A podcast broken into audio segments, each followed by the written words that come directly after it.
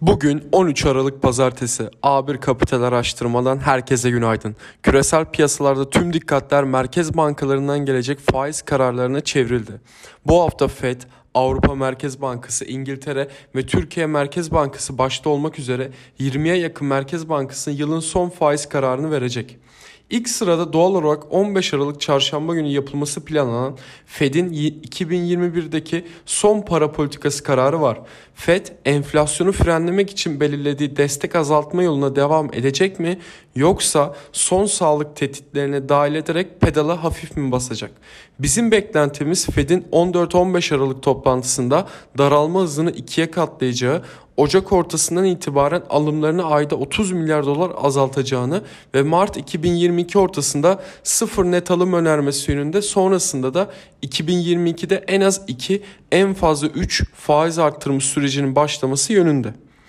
16 Aralık'ta ise ECB toplantısındaki görünüm özellikle Covid-19 durumundaki bir başka kötüleşme ve Omikron varyantı nedeniyle yeniden daha belirsiz hale geldiğinden ECB Aralık toplantısında başlangıçta planladığı tüm kararları almaya hazır olmayabilir. TCMM faiz kararında ise piyasanın 100 bas puanlık indirim beklentisine karşılık biz 150 bas puan indirimle faizin %13,5 seviyesi indirilmesini beklemekteyiz. Geçtiğimiz hafta Çin'den gelecek yıl ekonomide daha büyüme dostu politikalar uygulanabileceği sinyalinin verilmesiyle Asya Pasifik borsaları yeni haftaya yükselişle başlıyor. Borsa İstanbul'da yükseliş rallisi gücünü korurken haftalık bazı tarihin en yüksek işlem hacminin yaşandığı bir haftayı geride bıraktık.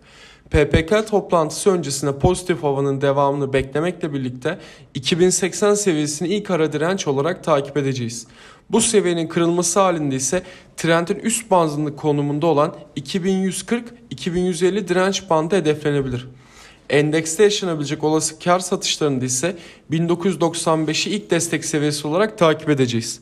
Bu desteğin kırılması endekse bozulmayı arttırabilir. Bugünün gündeminde ise yurt içinde cari dengenin Ağustos ve Eylül ayından sonra Ekim ayında da fazla vermesini bekliyoruz. Beklentimiz 2,5 milyar dolar cari fazla vermemiz yönünde.